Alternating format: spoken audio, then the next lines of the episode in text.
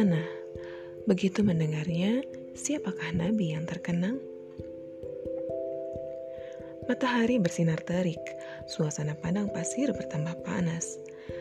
Seorang ibu dan anaknya berada di sana dengan keadaan persediaan bekal yang hampir habis. Sang bayi sangat kuat menyusu, hingga sang ibu merasa cepat kehausan. Sementara di sana tak ada lagi air yang dapat diminum. Sang ibu berusaha mendiamkan bayinya, namun tangisannya justru semakin kencang. Air susunya telah berhenti mengalir karena tubuhnya mengalami kekeringan, sementara tak ada air pelepas dahaga. Sang ibu pun meletakkan bayi di atas tanah. Lalu ia berusaha mencari air, mendaki bukit yang satu ke bukit yang lainnya. Namun ternyata sama, air tak juga ditemukannya. Sebanyak tujuh kali sang ibu berlari di antara kedua bukit namun tak ada setetes pun air yang ditemukannya. Tubuhnya telah dibasahi keringat, kulitnya kering terpanggang matahari. Rasa haus pun semakin mencekik tenggorokannya. Namun dia tertegun. Suara sang bayi mulai reda. Ada apa dengan anakku? Bisiknya sambil menghampiri bayinya. Ia pun mendekati bayinya. Kaki mungil sang bayi berulang kali memukul tanah dan muncul suatu mukjizat dari Allah Subhanahu wa taala. Bekas pukulan sang bayi ternyata membentuk mata air. Mata air yang memancarkan air yang begitu bersih, jernih, lagi berlimpah.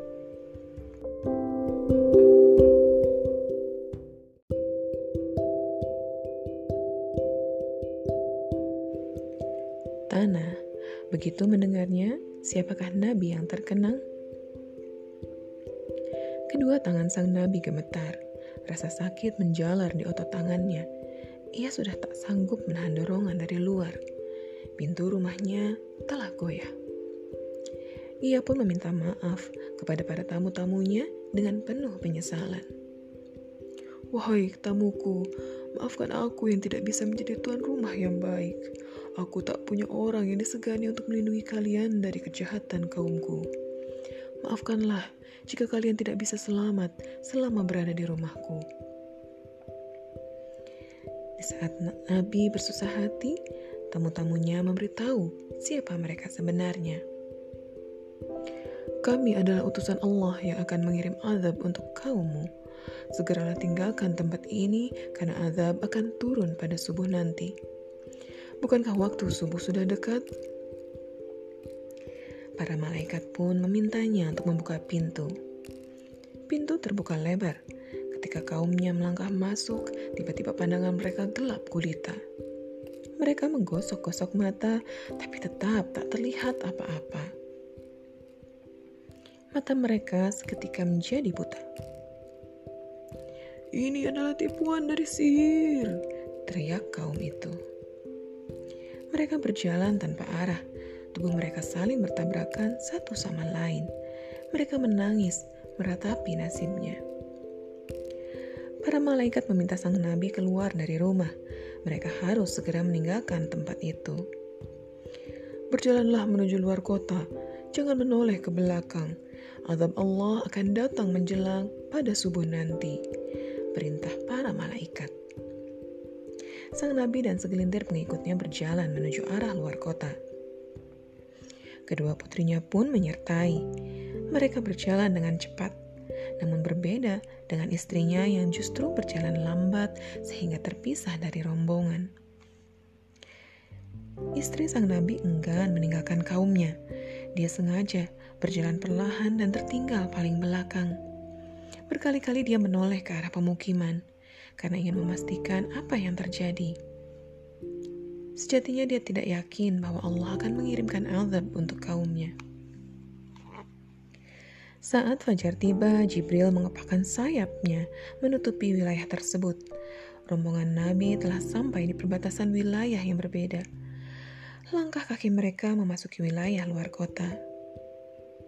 Dar! Terdengar ledakan yang dahsyat. Jerit tangis terdengar keras, keluh kesah menggema di mana-mana. Rintihan pilu pun keluar dari mulut kaum Sadum. Hanya sekejap, selanjutnya senyap. Mereka mati dalam kesakitan. Tanahnya terangkat, terjadi gempa bumi dahsyat.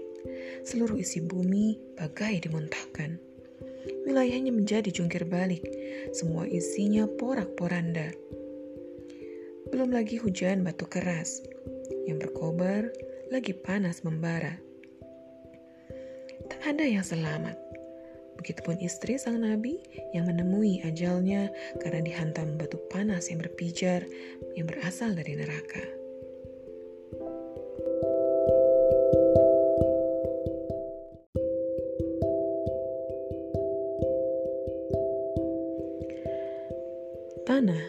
Begitu mendengarnya, siapakah nabi yang terkenang? Suatu ketika, seorang nabi mengunjungi kota kediaman anaknya. Dari wajahnya tampak beliau akan menyampaikan sesuatu. Begitu tiba di tempat tujuan, dia pun bergegas mencari sang anak. Wahai ayah, ada berita penting apa?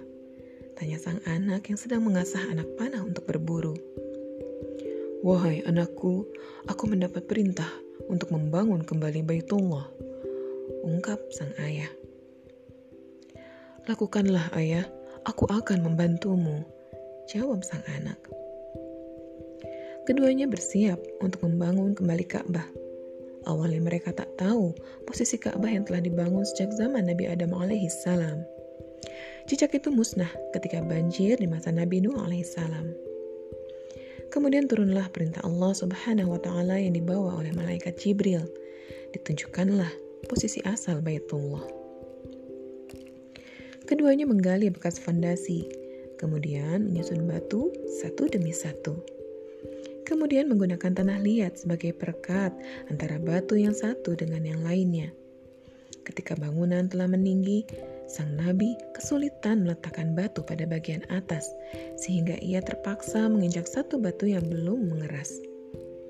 Bekas telapak kakinya masih terjaga sampai sekarang. Itulah yang dikenal sebagai makom, yaitu tempat berdirinya.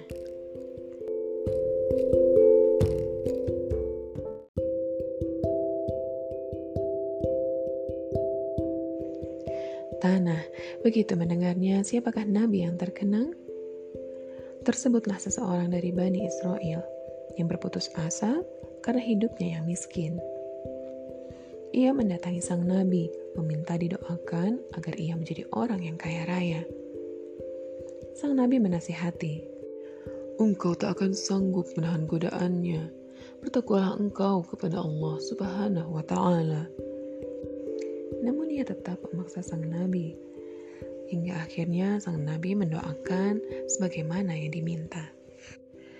Jadilah engkau seorang dermawan, jadikan hartamu sebagai jalan ketaatan kepada Allah Subhanahu wa taala. Tak lama kemudian kehidupannya benar-benar berubah. Kekayaannya bertambah hingga ia mampu membangun rumah bagaikan istana lengkap beserta gudang-gudang penyimpanan harta yang kunci-kuncinya bahkan tak mudah untuk dipikul oleh laki-laki yang kuat. Ia menjadi benar-benar kaya, akan tetapi kekayaan ternyata membuatnya lupa. Hingga sang nabi pun kembali datang untuk mengingatkan bahwa ada hak-hak orang miskin di dalam hartanya. Bukannya mendengarkan sang nabi, ia justru berteriak dan mencaci. Ini adalah hartaku, kekayaanku, hasil jerih payahku. Sang nabi menjadi sedih mendapati kenyataan tersebut. Sungguh Allah lah yang telah memberimu karunia ini. Ingatlah kepadanya, bertakwalah kepadanya. Tak cukup dengan meneriaki dan mencaci ia bahkan tega menyebar fitnah terhadap sang nabi. Sang nabi pun berdoa, "Ya Allah, sungguh ia telah berlaku zalim dan aniaya terhadap dirinya sendiri. Maka aku menyerahkan segalanya kepada Engkau, ya Allah." Seketika kemudian, bumi bergetar. Tanah mulai terbelah.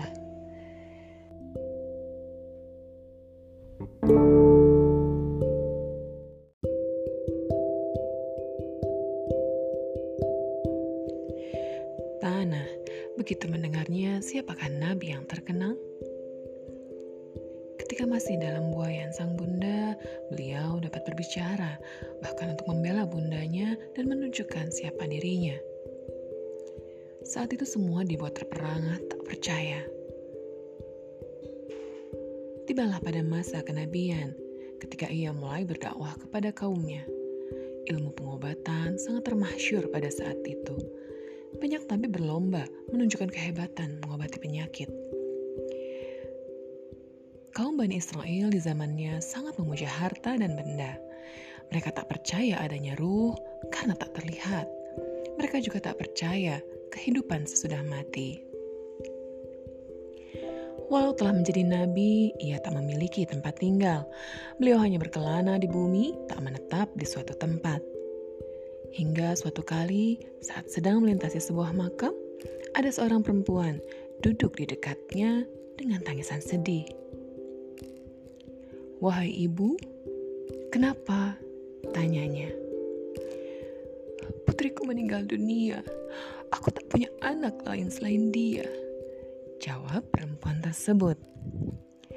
Aku berjanji kepada Tuhanku tak akan meninggalkan tempat ini sebelum aku merasakan kematian seperti yang dirasakan anakku atau menghidupkannya lagi sehingga aku bisa melihatnya. Lanjutnya. Kalau engkau melihatnya, Kau yakin mau kembali pulang? Yakin, jawab perempuan tersebut. Beliau pun kemudian sholat. Setelah itu menghampiri makam. Setelah beliau memanggil, Wahai Fulanah, bangkitlah dengan izin Allah yang maha pemurah. Keluarlah dari kubur. Pelan-pelan kuburan bergerak. Wahai Fulanah, bangkitlah dengan izin Allah keluarlah dari kubur. Panggil beliau lagi. Pelan-pelan kuburan pun terbelah. Beliau memanggil untuk yang ketiga kalinya. Pada panggilan ketiga, seseorang keluar dari kubur. Kenapa engkau tak kunjung memenuhi panggilanku? Tanyanya kemudian.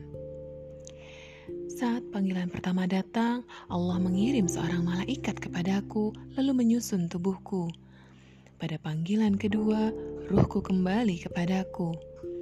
Pada panggilan ketiga, aku khawatir jika panggilan itu panggilan kiamat, hingga rambut, alis, dan kelopak mataku memutih karena takut kiamat. Jelasnya panjang lebar. Orang mati yang telah hidup kembali kemudian melihat ibunya yang sedang sesenggukan. Wahai ibuku, bersabarlah dan harapkan pahala atas kematianku aku tak lagi memerlukan dunia. Wahai ruh, ciptaan Allah dan kalimatnya. Mohonkan kepada Robku agar mengembalikanku ke akhirat dan mempermudah beban berat kematian padaku. Katanya lagi. Setelah berkata seperti itu, sang nabi kembali berdoa untuk kembali mematikan. Usai berdoa, tanah kubur menjadi rata kembali. Mujizat tersebut membuat Bani Israel semakin marah kepada sang nabi. Dan bukannya tersadar, mereka malah semakin ingkar.